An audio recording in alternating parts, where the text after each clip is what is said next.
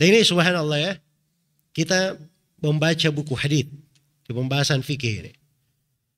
Keberkahan dalam hidup itu mendengarkan hadis-hadis Rasulullah Sallallahu Alaihi Wasallam. Hadis Rasulullah itu sekadar dibacakan saya, sekadar dibacakan, kemudian antum pahami maknanya, itu adalah keberkahan di dalam hidup, membawa banyak kebaikan, membawa banyak kebaikan. Karena itu belajar fikih dari hadis-hadis Rasulullah Sallallahu Alaihi Wasallam itu jalannya para ulama ahli hadis di masa dahulu. Itu jalan mereka. Karena selain daripada menjaga hadis Rasulullah, mengagungkan Nabi Shallallahu Alaihi Wasallam, setiap kali nama Nabi Shallallahu Alaihi Wasallam disebutkan kita semua apa? Bersalawat kepada Nabi Shallallahu Alaihi Wasallam. Maka dari kebaikan-kebaikan.